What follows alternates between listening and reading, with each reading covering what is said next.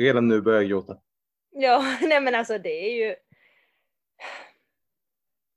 Det är det roligaste vi har den här tiden. Ja. Men vi kan ju liksom inte börja gråta förrän det är över. Jag vet. Jag vet. Men hela, hela mitt liv är så märkligt så jag gråter eh, ändå.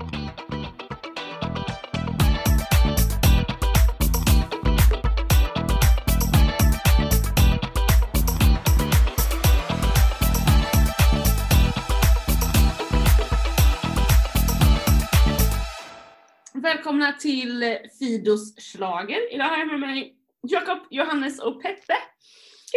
Tjena hoppsan! va? Hallå! Och vi tänkte eh, gå vidare i våran liten lilla inför Eurovision-poddar. Vi har ju spelat in tidigare, så om ni inte har lyssnat på dem så gör det. Men ni behöver inte göra det nu om ni inte vill, för att de är helt osammanhängande, höll jag på att säga. Vad heter det? Fristående avsnitt! Det kanske är lite osammanhängande i snacket också, vem vet? Det finns en risk. Vi har ju lottat åtta stycken bidrag som vi ska prata lite mer om idag. Och jag vet att en av våra lyssnare gjorde så här för några veckor sedan när han lyssnade.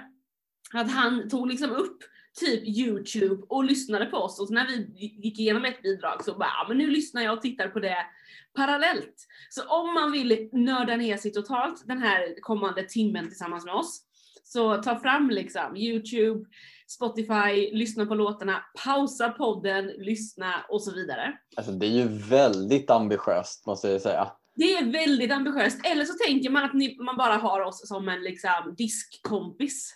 Det får man också. Diskkompis. Ja, när man diskar är det alltid trevligt att ha en kompis med sig tänker jag. Då kan man lyssna på oss en tid när man diskar. Johannes ser frågande ut. Ja, alltså jag, eh, precis. Jag bara, diskar, vad menar du med det? Diskar Jag den här diskkompisen var någon som kom hem till dig och som diskar åt dig. Jaha, oj, nej det, det menar jag inte. Nej. Men det, hade, hade, det tar jag ju gärna. En diskkompis. Jag är en sån som att nästan alltid när någon ringer till mig och jag inser oh vi kommer prata en liten stund, då ställer jag mig och diskar. För då går det mycket lättare att diska och det är skönt att göra någonting med händerna samtidigt som jag pratar med någon. För jag kan liksom inte riktigt sitta still och prata med någon. Men jag tycker sådana ljud stör när man pratar i telefon. Eller jag, jag skulle känna mig liksom så här, åh nu ska vattnet påla här medan jag pratar i telefon. Det stör ju. Då behöver du ha bättre lurar. Okej. Oh, bam! Okej, okej. Okej! Hä, Men eh, ska vi hugga in i dagens åtta bidrag helt enkelt? Låt Ja, Det oss. tycker jag. Jag har en snabb fråga innan vi börjar. Hur kommer det sig, eh, har, vi har inte delat in någonting i semifinaler så här, utan det är bara helt random. det är bara helt random. Ja, Vi ja, det behövde, vår, vi behövde vår egna USP. Vi funderade på hur gör alla andra poddar och vad finns det kvar som vi kan göra? Då blev det det här. Det blev tombola-hjulet. Exakt. Ja men det är bra, då fick jag det förklarat. Jag Tack. inser ju att idag kommer vi prata om tre bidrag i Big Five. Just det. Mm. Eh, Så det kan, det kan ju bli intressant att se om de levererar något bra eller inte. Verkligen. Verkligen. Nej, men, och jag tänker, vi har ju ett avsnitt precis liksom i Eurovision-veckan. Vi kanske vill ge något typ av uppsnack eller någonting där, de olika deltävlingarna. Eh, vi får väl se eh, hur vi... Det är inte dumt, vi brukar släppa våra avsnitt mitten på veckan. Så vi får ju fundera på hur det blir där sista veckan. Men annars är det helt random. Eh, jag känner fortfarande inte att jag vet vilken det är som är starka och svaga deltävlingen. För att jag har inte kommit dit än. Det vet säkert hälften av våra lyssnare på rak arm. Så att eh, det får ni kommentera. Det är så vi lär oss det till nästa vecka. Jag älskar våra lyssnare. Men nu hugger vi in. Jag var ju den som drog först förra veckan. Och det första landet jag drog var Lettland. Och Lettland skickar Samantha Tina med The Moon is Rising. Eh, och eh, Samantha Tina hon eh, skulle ju varit med förra året. Som så många andra det här året. och det är ju lite, jag vet vi, eh, vad ska jag säga? Eh, jag har för mig att det var någon av oss, var det du Peppe som förra året kallade henne för eh, Lettlands Linda Bengtzing? typ. Att hon varit med och tävlat så många gånger och nu äntligen så vann hon och att hon är lite liksom man kanske inte ska jämföra henne med Linda Bengtzing rent musikmässigt. Men jag tänker ändå lite en liksom lettisk version av Linda Bengtzing kanske. Eh, vi har ju ändå lite olika kultur där. Och det är så sant att hon har varit, hon har försökt flera gånger både i Lettland och Litauen. För hon har dubbla eh, hemländer höll jag på att säga. Det står här att Let Litauen är hennes andra hem liksom. Hon har försökt eh, i båda länderna. Sex gånger i eh, Lettland och två i Litauen. Hon har liksom försökt åtta gånger. Kommit tvåa två gånger.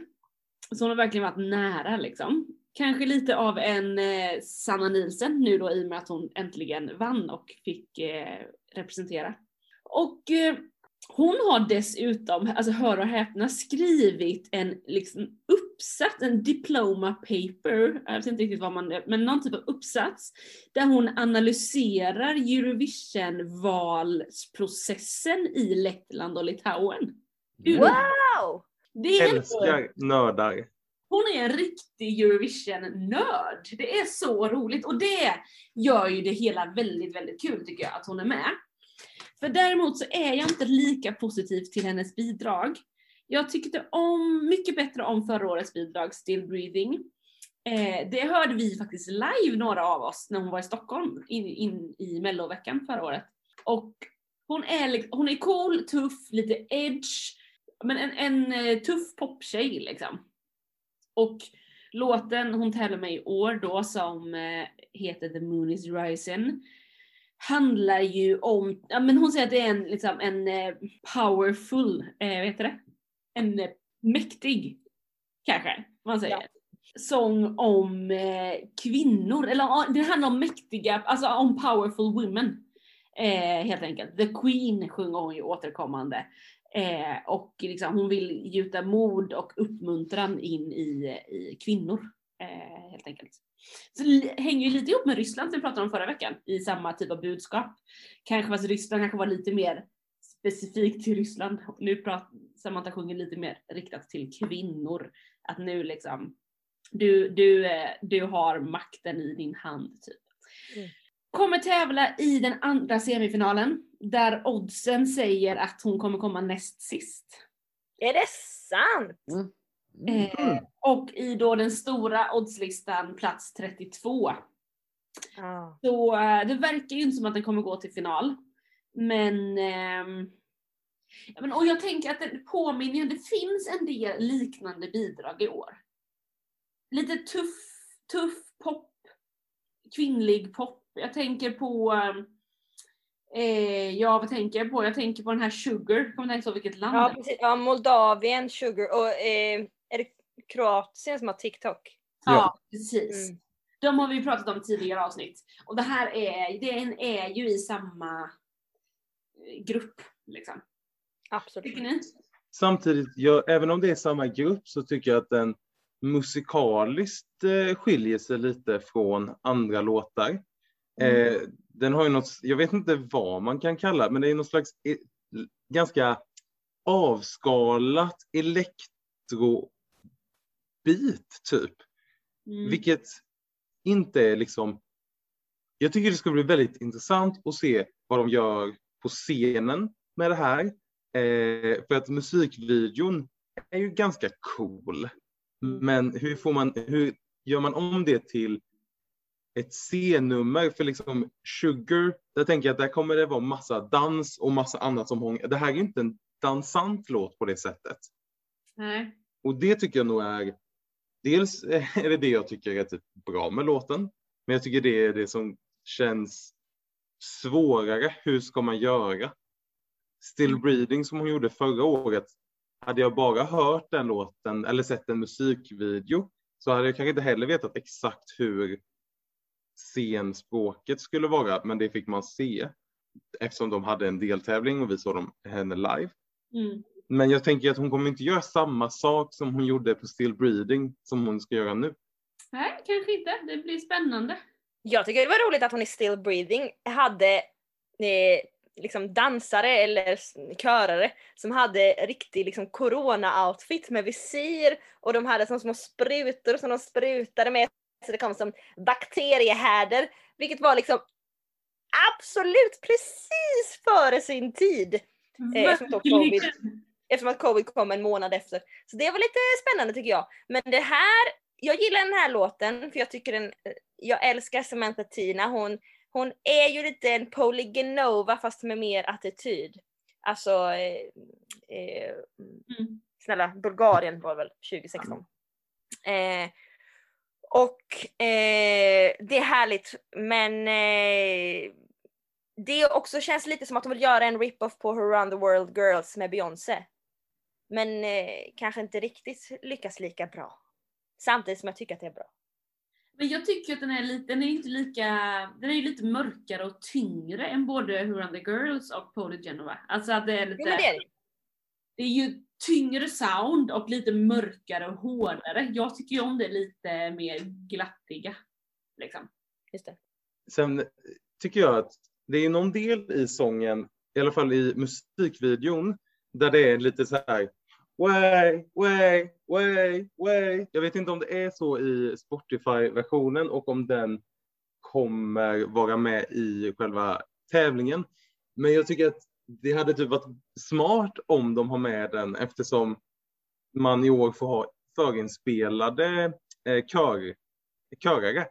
Mm. Och då kan man ju ha hur mycket kör man vill, så då kan hon ju ha 50 kvinnor som eh, ropar ej, ej, utan att det är ett problem. Istället för att det ska vara tre kvinnor bakom scenen. Liksom.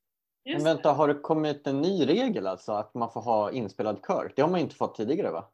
Nej, det är ju för i år en covid-säkring liksom. För att man ska kunna göra det. Utan att lika mycket folk behöver åka, åka till Rotterdam. Så det ändrades ju ganska tidigt. Men det har jag också tänkt på att de där eh, i de man har som körare, de ingår ju i hur många som får stå, vara på scenen antalet. Ja.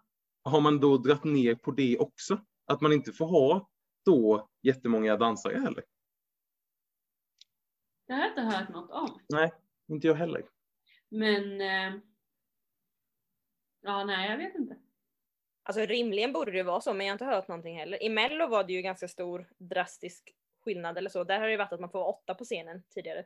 Nu var det max fyra dansare. Och det var, jag tror det var en gång det, det var fyra dansare och tre programledare på scenen. Det var max som var på scenen. Mm. Annars var det liksom, ja men de flesta var ju, antingen var typ fyra som ett helt band eller så var man en sångare och fyra dansare. Ja, just det.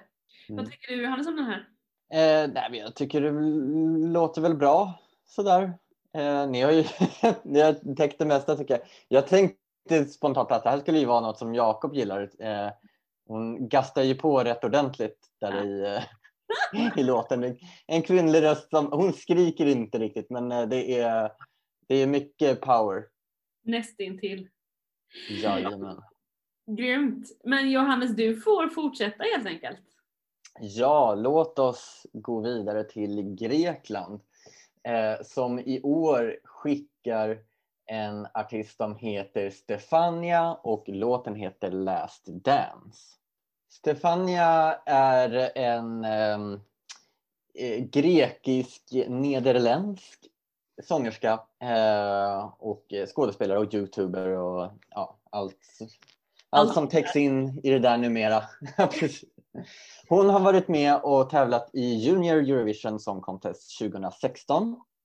Eh, då tävlade hon för Nederländerna Eh, och i år eh, alltså då för Grekland. Hon är ju precis som vi har pratat om många andra bidrag är en återkommare från förra året.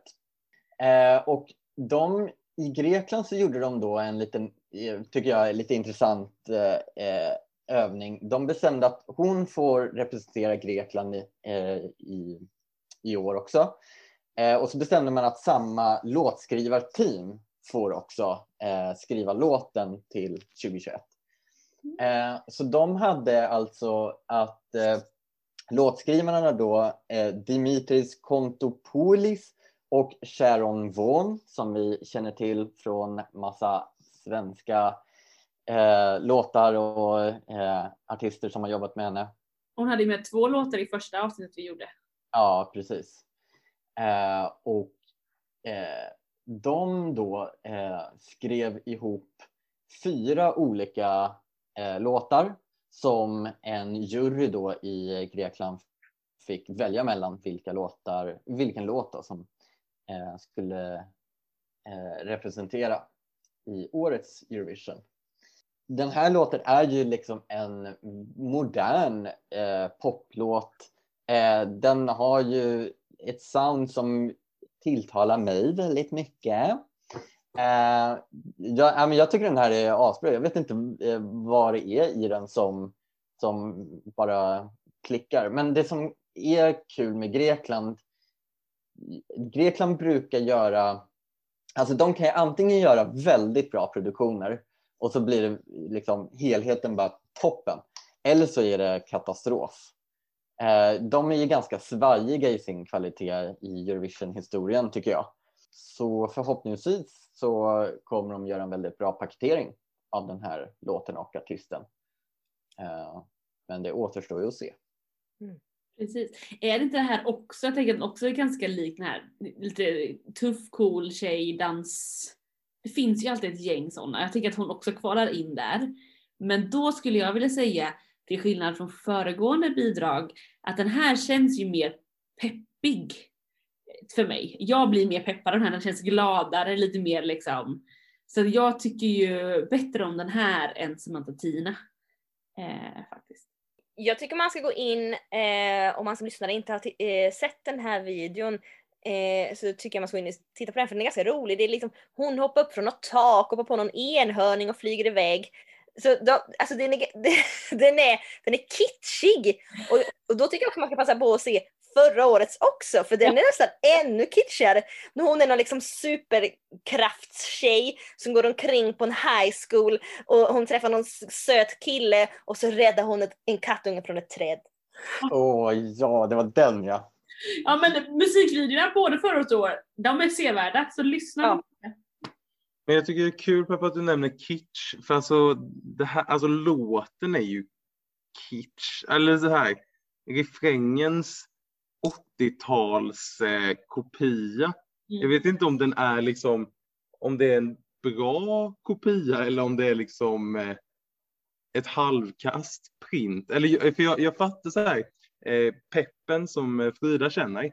men jag känner att det typ är som en har ni, har ni sett den crowdfundade filmen Kung Fury från 2015? Ja. Det är en svensk som crowdfundade för en karatefilm med David Hasselhoff och den utspelas liksom 1985 i Miami. Och det är verkligen det här tugget eh, i den filmen. Så jag typ bara tänker på så här, ja men pastisch 80-tal när jag hör låten. Mm. Dock så tycker jag att det är nice att de ändå har fått, fått in de grekiska pukorna i låten på ett, ett härligt sätt. Man kan även få en grekisk puka i en 80-talspastisch. en ny, snart väggbonad Endast Eurovision. Precis. Ja men den är ju, ehm, ja men det är ju lite inne med 80-talsmusik eller? För jag tänker lite på Ray Lee som ju kom eh, högt upp i Norge i år i uttagningen. Det var ju också en liten sån liksom eh, 80-talsblinkning liksom, både i musik och dans och framträdande. Påminner lite om den här faktiskt. Ja men faktiskt också överlag eh, musikscenen, spontan eh, liksom öppen analys här nu. Men jag tänker Blinding Lights som var väl den mest spelade typ så här 2019 eller vad kan det vara 2020. Den har ju otroligt mycket ett retrosound. Eh, med The Weeknd. Ja, det var bara en spontan eh, liten spaning. Eh, att det är lite coolt att gå lite retro. det kommer ju till fler 80-talsbidrag tänker jag i den här årets Eurovision. Kanske inte idag, men i alla fall nästa vecka. Det gör vi definitivt. Jag tror jag vet vilket land du tänker på. men innan dess Peppe så får du ta med oss Down Under. Förresten, nu glömde jag det igen! Om vi får välja en favorit, väljer ni Lettland eller väljer ni Grekland? Jag, jag vill bara säga innan vi säger så tror jag Ja, att det kommer vara ungefär samma uppdelning efter den här frågan som det brukar vara i de här avsnitten, eller har varit de senaste avsnitten. Att det är två som håller på den första och två på den andra menar du? Ja, Ja, jag väljer Grekland i alla fall. Grekland. Precis. Nej, jag säger nog ändå Lettland. jag säger också Lettland. Så det blev exakt som jag tänkte. Det är vi glättiga, lätta, Frida och jag som eh, har Grekland. Och ni är lite tyngre, lite mörkare. Peppe och Jakob stannar på Lettland. Jajamän. Men med det sagt tycker jag faktiskt Grekland är väldigt härlig också. Så det, det är absolut inte en dålig låt. And I'm going to take you down under eh, to Australia. Good day! Ska jag dra en rolig anekdot om eh, good day? Nej det hinner vi inte. Jo, nu måste jag göra det för jag har sagt A så får jag säga B. Jag skulle en gång eh, träffa en person för att hyra en lägenhet av den här personen. Eh, jag hade aldrig träffat den här mannen tidigare och så skulle vi hälsa. Detta var före corona, så man hälsar med handen. Jag sträcker fram handen, han sträcker fram handen och så säger han good day.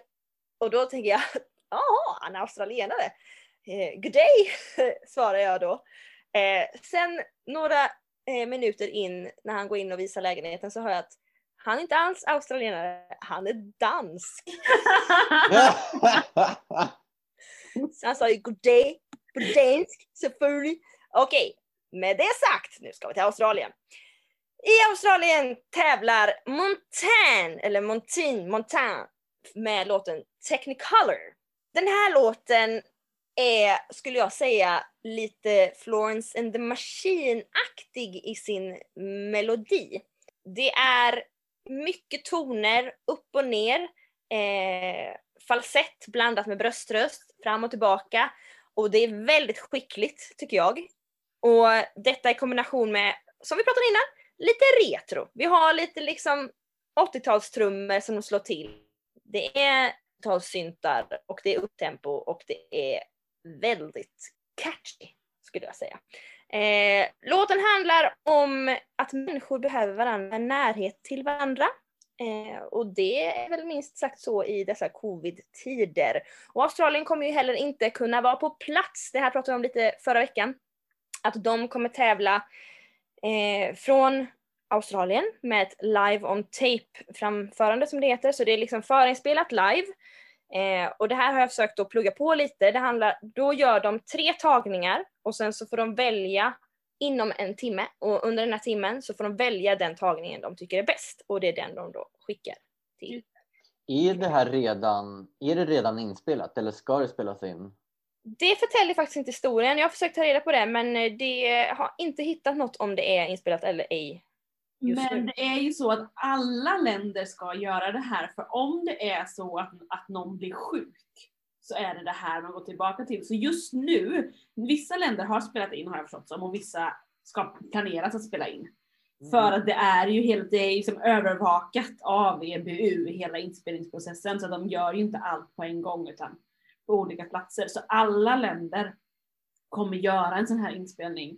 Och sen så, det var någon jag hörde som sa det att troligen kommer ju fler än Australien behöva skicka sitt sånt här live on tape.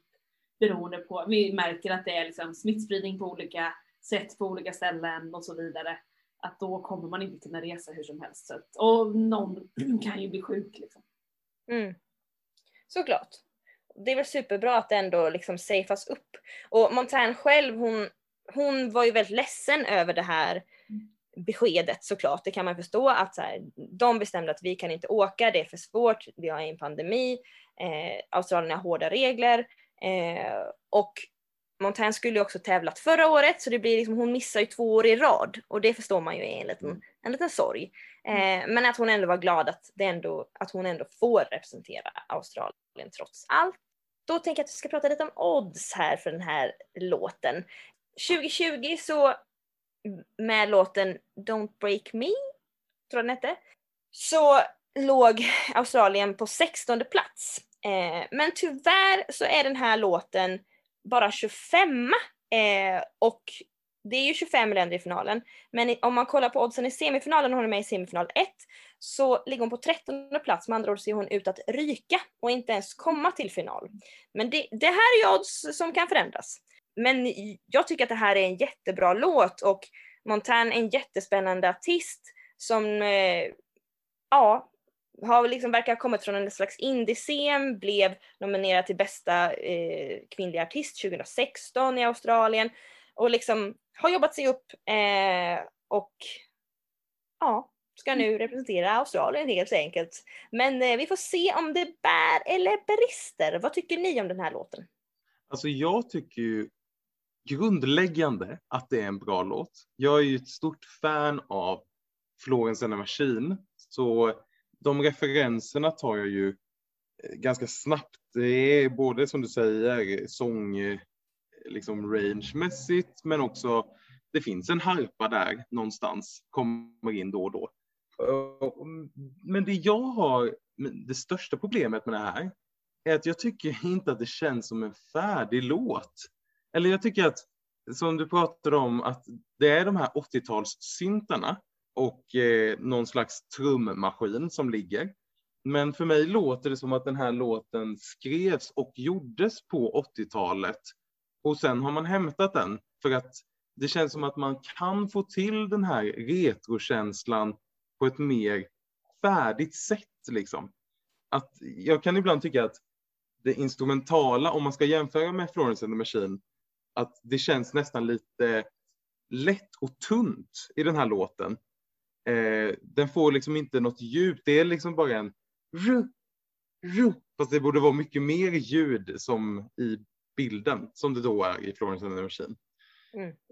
Så det, det är väl det enda som jag tycker känns lite tråkigt i låten. Jag säger något jag har sagt förut. Jag tyckte det var bättre förra året. Men du gillade väl den låten jättemycket förra året? Ja, och det är väl kanske det att jag gillade den väldigt mycket förra året. Eh, och det är ju lite annat sound i år ändå tycker jag. Förra året var det lite mer desperat, alltså nu ska det vara lite coolt.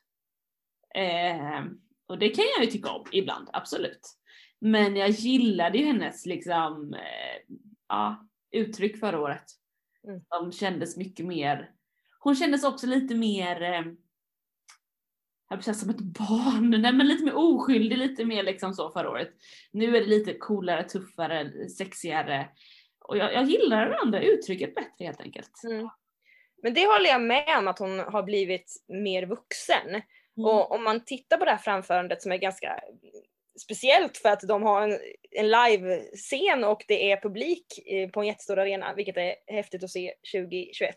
Men eh, då har hon ju till skillnad från förra året när hon hade liksom något blått, blått krulligt hår och såg ut som en liten clown och sprang omkring med typ små monkey jeans på scenen så har hon ju nu, liksom hon har rakat av sig håret, det är rosa, hon har en ganska liksom aggressiv cool eh, sminkning mm. eh, och har liksom bälten och skärp över någon vit dress. Alltså hon har ju verkligen gått från barn till vuxen och det är ju verkligen som du säger olika, man kanske gillar det eller inte. Och jag tycker nog att det är mer nice. Ehm, men jag förstår om man blir besviken.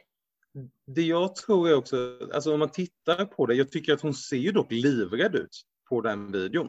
Hon ser ju inte ut i sina ansiktsuttryck som att jag är coolaste tjejen. Och jag tror att det också kan ha lite med låten som jag pratade om, att det känns som att hon försöker väldigt mycket nu Alltså det här året, då försöker hon, hon ska vara den här coola, hon ska vara den här med rakat rosa hår. Det ska vara sexy, det ska vara cool, det ska vara Florence, det ska vara allt. Och förra året så kändes det mer som hon kanske bara gjorde sin grej som hon har gjort. Liksom. Och jag tycker ju att artister ska utvecklas men, eh, och få göra det de vill. Mm. Men det känns nästan lite som att hon försöker lite för mycket kanske. Mm. Jag tycker att den här melodin sätter sig på hjärnan och den har en hook som jag så här, ja, men jag kommer ihåg låten eh, direkt efter och kan sjunga med i den liksom. Mm. Så att, eh, det, men i övrigt så tycker jag nog inte låten är så jättekul. Eh, annat än att säga, åh vad störande att den sätter sig på hjärnan. Okej, du tycker den är störande. Men jag har en analys av detta. För hon skulle ju då tävlat eh, för Australien förra året. Och vanligen har Australien en tävling som heter Australian Decides eller något sånt. i år var, ju, var de så här, okej, ni, ni får göra det här igen. Vi skriver en låt bara för Eurovision. Kan det bli att det blir för mycket press? Att man vill för mycket? Att man lägger in för mycket i det där paketet? Bara, vi ska ha trummor, vi ska ha det här, vi ska ha jättesvår melodi, vi ska ha det här, det här. Och då kanske det blir för overloaded. Absolut. Ja. Det, det tror jag absolut det är. Alltså, hur, hur hamnar man inte i det facket om man får liksom hela landets liksom, ära står på spel? Liksom. Sen, liksom, Australien tar halvseriöst ändå på Eurovision också men eh, det tror jag den pressen är, är eh, jättestor och hur ska man lyckas Alltså hur ska man lyckas med det? Mhm. Alltså, det, är, det är en bedrift i sig om man liksom med den pressen lyckas leverera en skitbra låt som är bättre än förra året när man liksom gjorde sin, sin grej utan att det ska bli pressat. Liksom. Mm. Och speciellt kanske när man har varit med i en uttagningstävling och då liksom vunnit folkets röster så här. Då får man också den pressen att de älskade mig förra året. Nu måste jag inte, alltså så här, nu måste också Australien gilla det jag gör i år lika mycket som förra året. Just det. Ja, spännande. Vad har ni för eh, favorit just nu då av de här tre? Jag håller mig kvar vid Grekland. Det gör nog Ja, jag. ja. Jakob kan, verkar inte bestämma sig. Jag säger faktiskt Australien. Jag tycker att den här är jättebra och det är tack vare att den har så fruktansvärt catchy melodi och jag tycker hon sjunger jättebra. Ja, jag får nog också byta för att jag har nog lyssnat mer på den här än Lettland. Mm. Eh, så jag tycker nog att den här är lite bättre. Mm. Ja, jag tycker den är klurig men jag håller nog kvar på Grekland för jag vet att när jag lyssnar på den tänker jag oh vad härlig och den här blir, blir jag inte lika glad av. Men Jakob du får eh, ta oss vidare till eh, år, visst är det vår första genomgång av ett eh, Big Five-land? Vi har missat Nej, jag har pratat, jag har pratat om Italien tidigare. Italien, ja såklart. Just det. Ja, nej men nu ska vi till Brexitland eh, och prata om bidraget de skickar. Och det är artisten James, James Newman med låten Embers. Och Storbritannien gör ju som många länder att skicka den artisten i år som eh, de tänkte skicka förra året. Det har jag inte hört. Förra året. Exakt. Nej men eh, förra året skulle James vara med med en låt som heter My Last Breath. Men fick då vara med i år istället. Eh, och han är ju då en prisad låtskrivare i Storbritannien. Han har bland annat eh, också varit nominerad till Grammy men vunnit The Brit Awards. Eh, och han har skrivit åt bland andra eh, Calvin Harris som är någon slags eh, DJ-kille. Eh, och på den låten som han skrev åt Calvin Harris så sjöng hans bror eh, John Newman. Så de är keeping it in the family ibland. Han har också skrivit, eh, varit med och co-produced lite låtar till Kesha som också är en känd artist från staterna.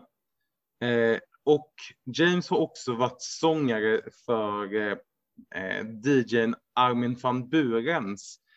Eh, liksom sjungit på den DJns låtar, lite som, eh, vad heter han? Sandro Cavazza. Sandro Cavazza åt Avicii, precis, tack. Eh, och jag vill bara liksom, jag tycker man kan jämföra den här lilla James Newman lite med vår svenska vän John Lundvik. En kille som har jobbat som låtskrivare och i bakgrunden ett, ett, eh, tag och nu är det hans tid att få visa. Också lite hur låtutvecklingen från förra året till det här året. John kom ju in och gjorde någon slags ballad eh, och sen kom och gjorde en upptempo gospel. James kanske jobbar lite mer i samma genre, men hans förra, året, förra årets låt var ju otroligt släpig. Eh, och nu Nej. kommer han en riktig... Vad säger du? Sa att den Förra inte var släpig? Nej men släp, släp. Den var bra! Jo, men jag, jag har inte sagt att släpigt inte kan vara bra, men släpigt är det. Ja, Eh, men nu kom- Det var en betoning på otroligt släpigt. ja, exakt, då. precis. Ja, ja, ja. Eh, nej, men nu kommer han ju med en lite mer, en, lite, en låt med lite mer go i, så att säga. utöver det så har jag inte hittat så mycket fakta om James, men jag tycker vi bara kan diskutera i små bikupor ett tag hans förhållningssätt till hur länge man får ha samma strumpor. Ja, låt höra. Aha, sex timmar. Oj. Oj! Vadå, Det är väl lite han, kort va? det är väldigt kort. Vadå byter han strumpor var sjätte timma? Apparently. Kanske ett Han måste- liksom. Ja, men han måste ju byta strumpor eh, flera gånger per dag. Mm. Om man inte är en barfota kille. Ja, det logiska är ju att ha ett strumpor per dygn. Det brukar jag ha. Alltså, när du går, på morgonen går du upp, då tar på ett par strumpor, på kvällen tar du av dem. Det är inte svårare än så. Ja, nej, men vi Han behöver kanske aldrig fast- fått lära sig det.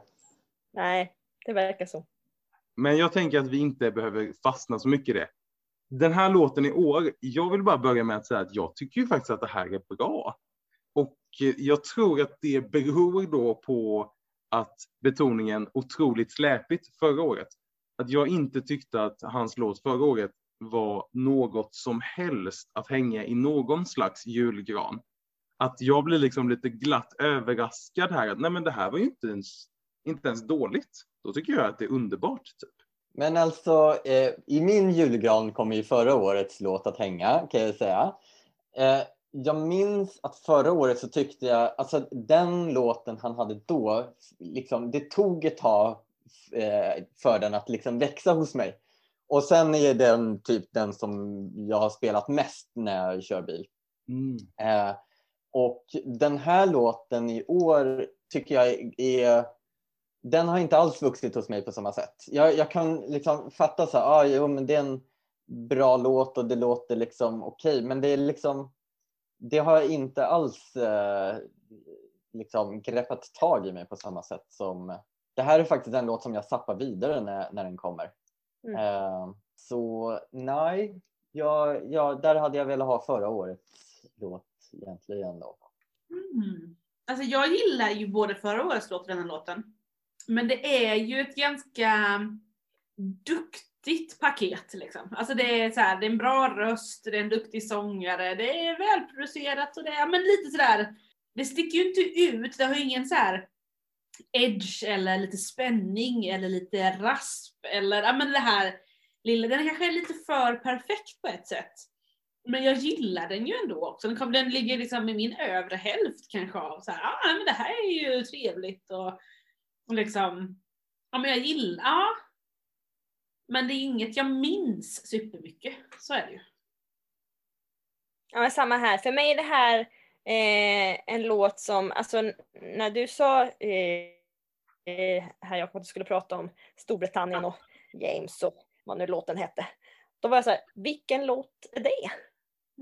Så att det här, den försvinner lite för mig i alla fall. Men den är lite så, meh, meh, meh.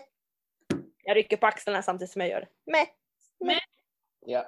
Ja. Låt oss gå vidare till nästa Big Five-land för kvällen. ja men precis, det är ingen som har den, eh, det är ingen Storbritannien har inte koll, alla oj oj oj, alla skakar på huvudet. Vi går snabbt vidare till nästa Big Five-land för kvällen. Och det är då Spanien med Blas Canto med låten Voy a quedarme. Och det här är ju då helt på spanska. Eh, och jag tänkte på det när jag satt och lyssnade på den här innan idag, att det är ju roligt för Big Five är ändå ganska bra på att hålla sina språk. Italien kör italienska, Frankrike på franska, all, allt som oftast i alla fall. Spanien kör oftast på spanska. Eh, Storbritannien, de kör på engelska.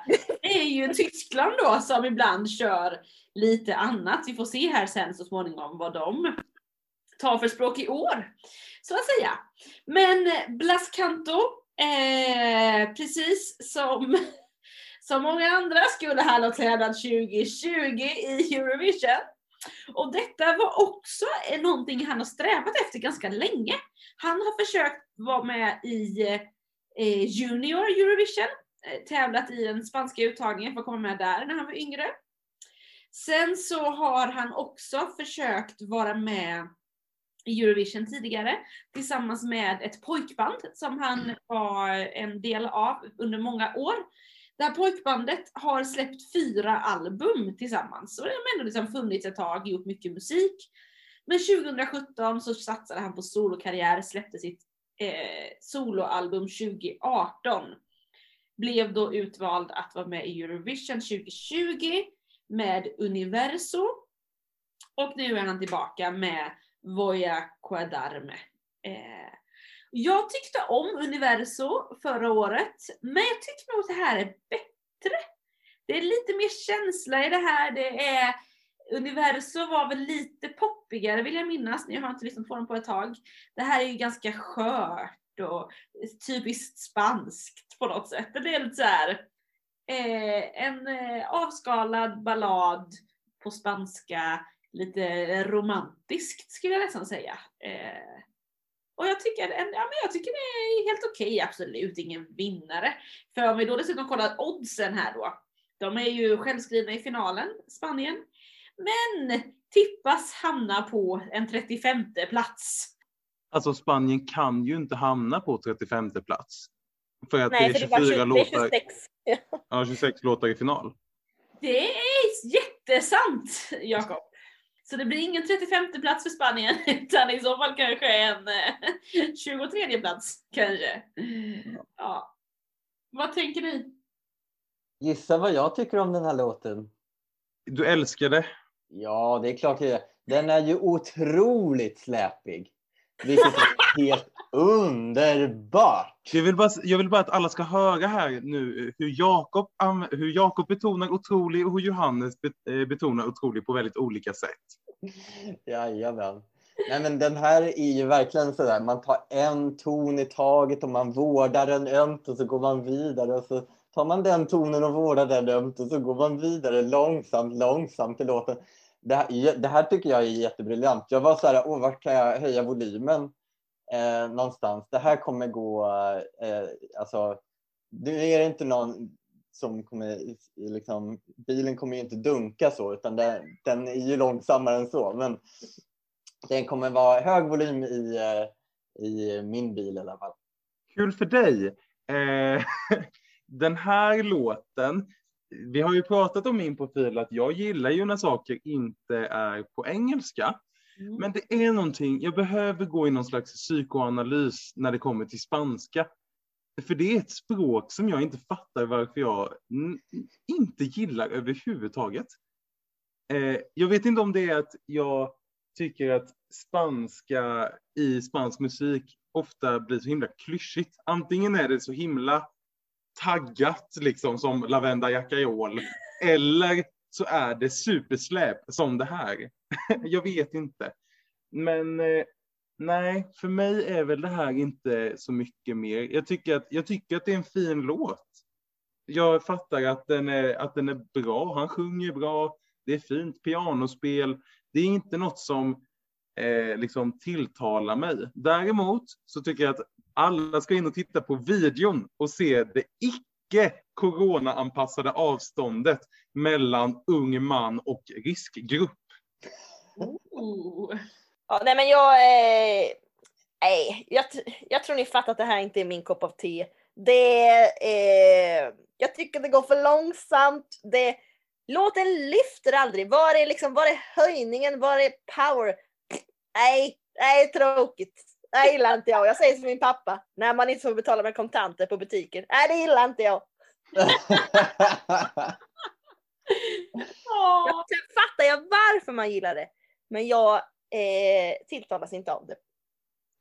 Nej, men jag kommer i alla fall byta favorit eh, till eh, Spanien av de bidrag vi har pratat om ikväll. Oh, visst var ju, vart är jag? Är jag kvar på Grekland fortfarande? Eh, alltså, oh, ja, det är så många låtar som jag tycker är så här, ah, det här är ganska bra. Men jag känner inte att det brinner till någonstans. Det är det som är det jobbiga här. Så jag kanske är kvar på Grekland ändå, fast jag tycker det här är bra. Liksom. Då kanske nästa land kan bli eh, eh, landet där det brinner till lite för dig Frida. Eh, vi, å, det återstår att se. Vi går vidare till Tyskland eh, som i år skickar eh, Jendrik, heter han, med låten I don't feel hate. Tyskland skickar i år en låt som... Eh, den är intressant. Det är en... Eh, eh, vad heter det här instrumentet som jag... Ukulele. En ukulele. Precis. Ukulele, inte Uk- ukulele. Är det ukulele? Ja, ukulele. Det, Det finns inte ens. pratar vi inte om. Nej, nej, okej. Ja, ja.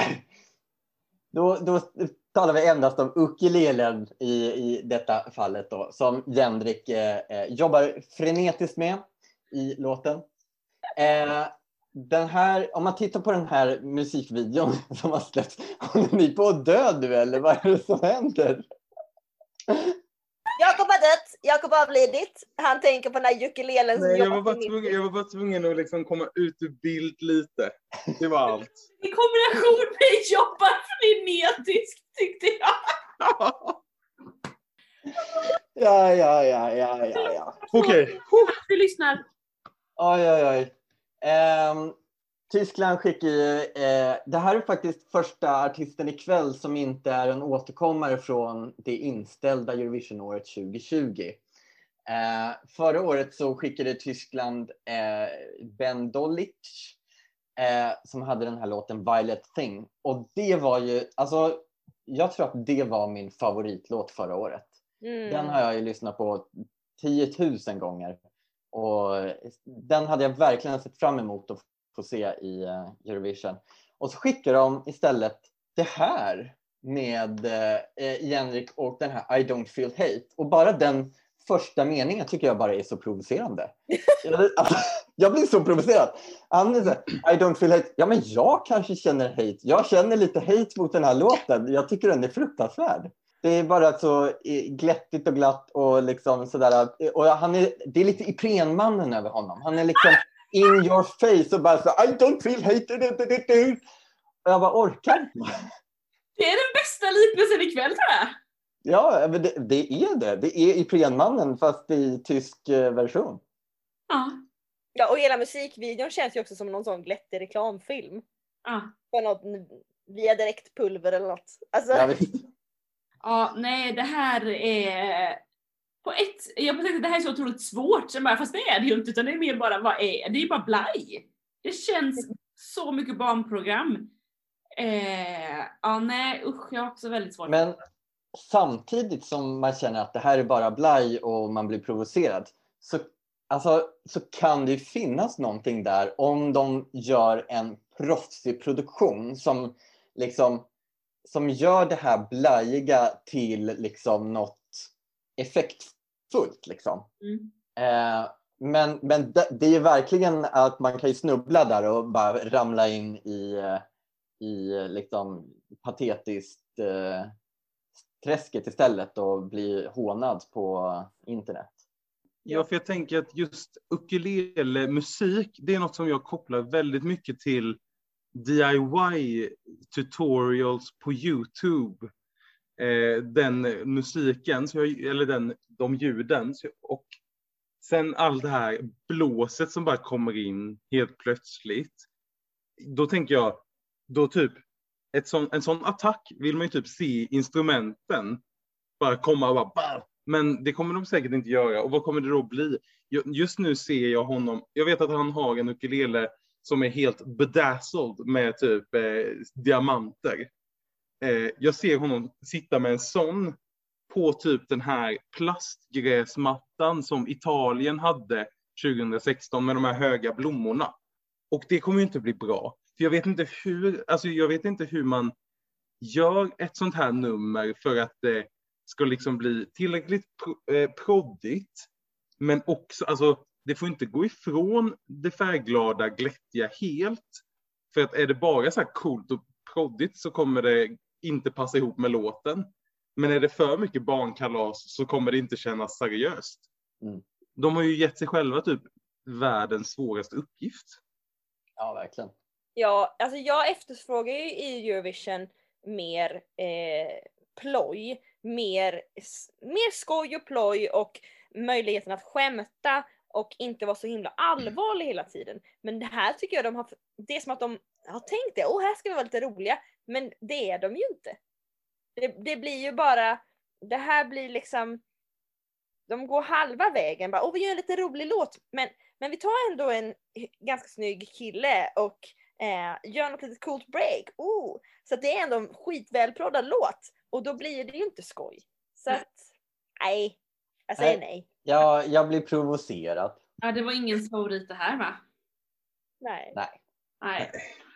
Men Jag tänker, jag tänker så här, Tyskland är ju vana att hamna på sista platsen. Alltså, det kommer inte bli någon chock för dem om de gör det i år igen, tänker jag.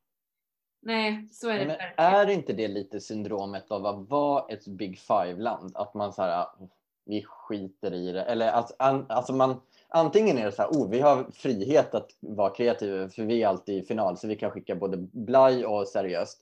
Jag såg alltså 2018 med Mikael Schulte, han kom ju ändå på typ fjärde eller femte plats. Eh, och den låten var ju en späktad ballad som jag älskar såklart. Eh, men så de, de har ju väldigt så här variation i vad de skickar. Och min favorit från eh, alla tider i Eurovision är ju 2007, eh, Tyskland också. Så att eh, eh, det här är ett land som ligger nära hjärtat men låten, nej. Ja. Det är ju det, jag tänker att Italien har ju fått mycket cred ändå för att de har kommit in och typ så här kommit högt och försöker att skicka relevant. Och alltså, Italien har ju ändå, om man jämför med de andra Big Five-länderna, visat att vi, vi, ger, vi kommer med någonting som är relevant. Det gör ju tyvärr inte de andra så ofta. Det Nej. händer, men inte så ofta. Vi går ner lite i BPM nu va Peppe, eller vad säger du? Det gör vi absolut. Och i känsla överlag skulle jag säga. För Schweiz med Guillaume's Tears och Tout l'univers har en helt annan känsla. För om jag ska tolka den här låten, vad den handlar om, den är på franska då, Tout Univers. L'univers. Eh, så handlar den om någon form av brusten kärlek, ett brustet hjärta. Eh, det är starka känslor i den här låten. Vi börjar svagt, piano, lugnt, till att det liksom bryter ut i ett enda crescendo av känslor och falsettsång. Eh, Gyon Muharema, som han egentligen heter, eh, har vad jag som förstått det som albanska föräldrar och har tävlat när han var 12 år gammal i albanska talang och kom trea där. Och ett år efter det, alltså då när han var 13, så tävlade han i Schweiz talang och kom i alla fall till semifinal. Och sen 2019, då var han med i franska The Voice. Eh, oklart hur långt han kom, men han var i alla fall med. Eh, så han är liksom en sån där tävlingsperson som har hållit på och sjungit sedan han var liten och han är fortfarande ganska liten, eller, ja, han är 22 år gammal. Så han är inte jättegammal.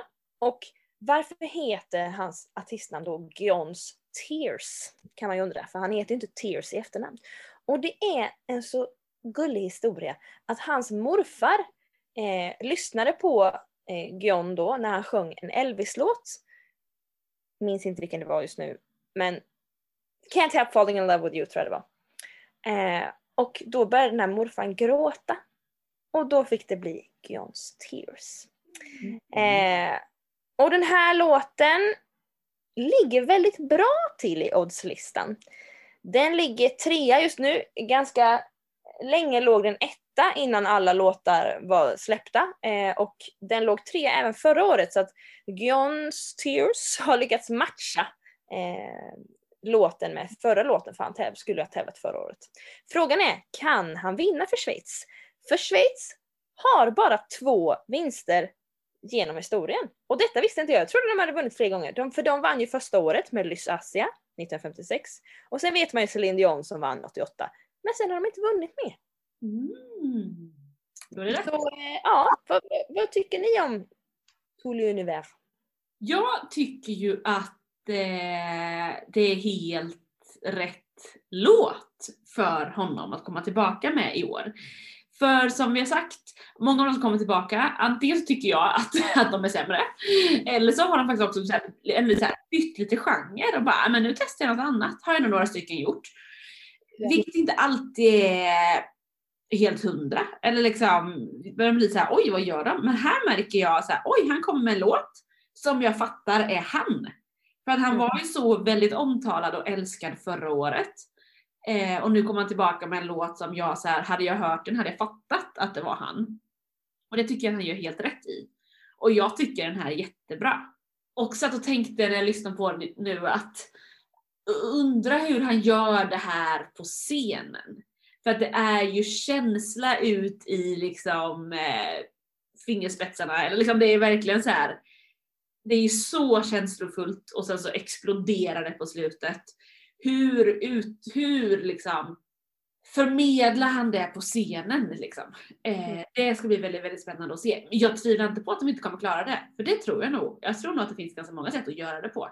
Men jag är sjukt nyfiken på hur de ska göra det. För både förra året och i år så är det enda jag har sett en musikvideo. Eh, och då blir det ändå, ännu, ännu mer spännande att se liksom vad, vad blir det på scen. Ja, och, och låter falsetten lika snyggt live som den gör inspelad typ. Ja. Jag tycker också att det här är en jättebra låt. Jag gillade ju John Steers förra året också. Mm. Och jag tycker att jag tänkte mycket på, eh, ni minns tv-serien Bron? Ja. Eh, den fick ju en eh, fransk, eh, engelsk version som handlar om tunneln mellan Frankrike och England. Och jag tycker typ att de här första pianoackorden som läggs, de låter typ som pianoackorden i Bron eh, introt. Så det här hade kunnat vara introt till eh, den franska versionen. Liksom. Mhm. Ja, Jag gillar ju den här låten också. Den här är eh, uppe och sniffar där på Spaniens favoritplats i, eh, av eh, dagens låtar. Ehm, så den har något, men det är verkligen eh, det där med hur, hur förvaltas det här på scenen i slutändan. Ehm, Musikvideon är ju väldigt känslosam. För mig Ehm, är det här en helt ny nivå mot Spanien alltså. Ja, det, mm, ja, mm, ja jag, förstår, jag förstår vad du menar fast eh, jag, eh, eh, Spanien är bra också. Jo, men jag, jag, men jag, Jag vill så här- inte släppa Spanien. Nej, men jag tänker att båda är ju ballader, men det är ju väldigt olika teman på balladerna. Spanien är ju så här, liksom på något sätt, åh, åh, åh, eh, mer, jag vet inte, mer kärleks, kärleksballad, liksom så här, åh, jag vill sjunga det här till någon, tycker jag att Spanien känns. Medan den här, eh, Schweiz är ju mycket mer förtvivlad. Det är ju mer en ballad som man bara sjunger ut i universum. universum Just det. liksom. Jag som inte brukar gilla ballader särskilt mycket eh, och tycker att de måste vara exceptionellt bra för att vara en stark ballad tycker jag att den här är jättebra faktiskt. Eh, det, den största invändningen jag har är att jag tycker att den är för lik Arcade med Duncan som vann eh, då Mm. 2019. Det är liksom till och med samma intervall. Ha, ha. Alltså Mm. Mm. det, det stör mig och jag är rädd kanske att det kommer bli lite liknande på scenen. Hoppas att de inte gör det så likt utan att det blir något annat. Eh, för att den här låten tycker jag har ett väldigt snyggt uppbyggande som jag... Ja, det gillar jag faktiskt. Även om jag då inte gillar ballader. Så att den har något. Hoppas, hoppas, hoppas, hoppas, hoppas han håller på scen. Verkligen. Så för mig är det här en ny favorit för ikväll. Vad säger ni? Mig med. Ja, jag håller faktiskt kvar vid Australien. Det är tight mellan de här två men jag säger Australien. Ja, jag håller kvar på Spanien. Kul! Då har vi kvällens, eh, eller kvällens, det är bara för det är kväll när vi spelar in här, men detta avsnitts sista bidrag, Jakob. Ja, vi åker till Georgien och pratar om Tornik Kipiani med låten You. När jag skulle researcha honom så råkade jag slå på enter bara efter jag hade skrivit hans förnamn och då fick jag upp ett verktyg som heter Tornik. Och det är ett slags spännband för att stoppa flödet av blod till ett sår. Så vet ni det. Men det är inte det vi ska prata om, utan det är Kipiani. Han skulle ju också då varit med förra året med låten Take Me As I Am. Och det här är en artist som eh, håller sig i någon slags samma genre men olika uttryck i låtar. Han är någon slags rockkille. Förra året var det mer tryck i rocken, nu är det någon mer slags rockvisa. Typ. Eh, Tonic vann första säsongen av X-Factor Georgien 2014. Eh, och lite kul där var att han hade artisten Tamta som mentor. Alltså Tamta som var med i Eurovision 2019 för Cypern med låten Replay. Eh, han har försökt att komma med i Eurovision tidigare, 2007, men misslyckades. Och det han har gjort då, eh, något annat han har gjort är att han har vunnit Georgiska Idol. Och det gjorde han då 2020. Och då kan man tänka, aha, men en artist som vann X-Factor 2014, varför är han med i Idol och vinner 2020? Mm. Men det är så att under ett par år, förra året innan, så har det legat i prispotten i Georgiska Idol att man representerar Georgien i Eurovision. Ah. Så han har ju varit så här, jag vill vara med i Eurovision och det enda sättet är att jag ska vinna Idol. Liksom. Okej. Men att han ens får vara med. Men det är kanske ett helt annat idolkoncept i och för sig än vad vi har. Ja, jag vet faktiskt inte, jag har inte så, så långt ner i researchen har jag faktiskt inte gått. Eh, men något annat som är väldigt kul är ju att det här är ju en man som inte säger mer än vad han behöver. Förra årets låt, Take Me As I Am, hade typ 11 textrader. Årets låt, You, har, trumvirvel, 12 textrader. Så han Wow. slår förra året med en textrad. Det är en liten applåd här. Eh, väldigt sparsmakad låt. Det är inte mycket som händer. Det är någon liten visgitarr som ligger där och det är någon kanske, vad är det, är det någon tretakt som händer? Nej, jag vet inte. Det är någon slags, det är inte en fyra fjärdedels takt tror jag inte i alla fall. Och det här är ju också eh, absolut inte en favoritlåt i år för mig. Men det här är precis som Storbritannien som jag pratade om tidigare. En artist som jag absolut inte gillade förra året. Så när årets låtar släppts pö om pö så har det varit som att jag inte ens har tänkt att jag behöver lyssna på den här artisten. För att jag kommer ju inte gilla den, för jag hatade ju den förra året. Så när vi drog förra veckan och jag fick Georgien, då kände jag, ja, jag måste nog börja lyssna på Georgien. Eh, och blev ju då lite glatt överraskad. Att jag tyckte att nej, men det här var ju lite mysigt och gulligt. Nej men jag eh, har nog gjort samma grej där som dig Jakob. Jag har faktiskt inte lyssnat på den här låten typ någonting. Den... Eh, och jag tycker ändå när jag har försökt lyssna på den att jag ändå har gett den en chans. Och med det sagt så tycker jag det säger någonting om hur mycket... Man ska ju inte behöva ge låtar en chans. Det är det jag menar va? Det är det jag menar va? Det är därför jag kan säga här Johannes att har jag försökt ge den en chans så många gånger så kanske den har fått sina chanser. Eh, jag tycker den är tråkig. Förlåt. Ja men jag tänkte säga att den är väl otroligt tråkig. Ja. Ja, men alltså jag, jag, jag tycker också att den är lite tråkig, men jag är typ, så här, jag är typ taggad på visa. Alltså, jag, vet, ja, men jag tycker att visor, det finns bra visor. Jag har funderat på att om jag någon gång ska bli artist, då vill jag bli vissångare. För att det är härligt. Eh, sen vet jag inte om det är när Georgien skickar lite lugna bidrag, då, kan, då gillar jag ju dem. Jag gillade ju den här georgiska folkmanskören eh, och råkade lära mig den utan till. Men det är sagt, jag vill bara redan nu bara dementera. Georgien är inte mitt, min favorit i år. Eller i den här veckan heller. Liksom. Nej, inte min heller. Ah, jag håller kvar på Spanien. Kul! Då landar vi på att Jakob och jag håller på Schweiz, Peppe Australien och eh, Johannes på Spanien. Kul att vi är så olika. Hur många bidrag har vi kvar nu nästa vecka? Är det fortfarande, jag har ingen koll. Har vi två? Vi har...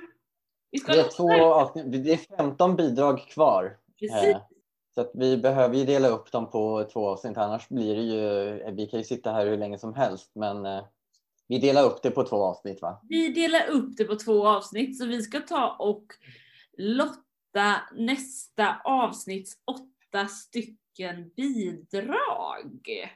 Ja. Jag Kändes först inte förra lite tråkigt? Nu avbryter jag lite här i lottningen men kändes inte lite tråkigt att avsluta med Georgien? Det var så det blev som att bara ah. ja, precis. Ja, men det, ja, men vi det, kan avsluta med Tyskland. Jag, hopp, Som jag sagt, hoppas inte det- det... i sin semifinal. det, är som, det, är som vår, det är ju det som är vår USP. I, I den här podden, då vet man inte, blir det en glad avslutning eller blir det hemskt? Just. Ja. Det kanske blir gladare eh, länder till nästa veckas podd.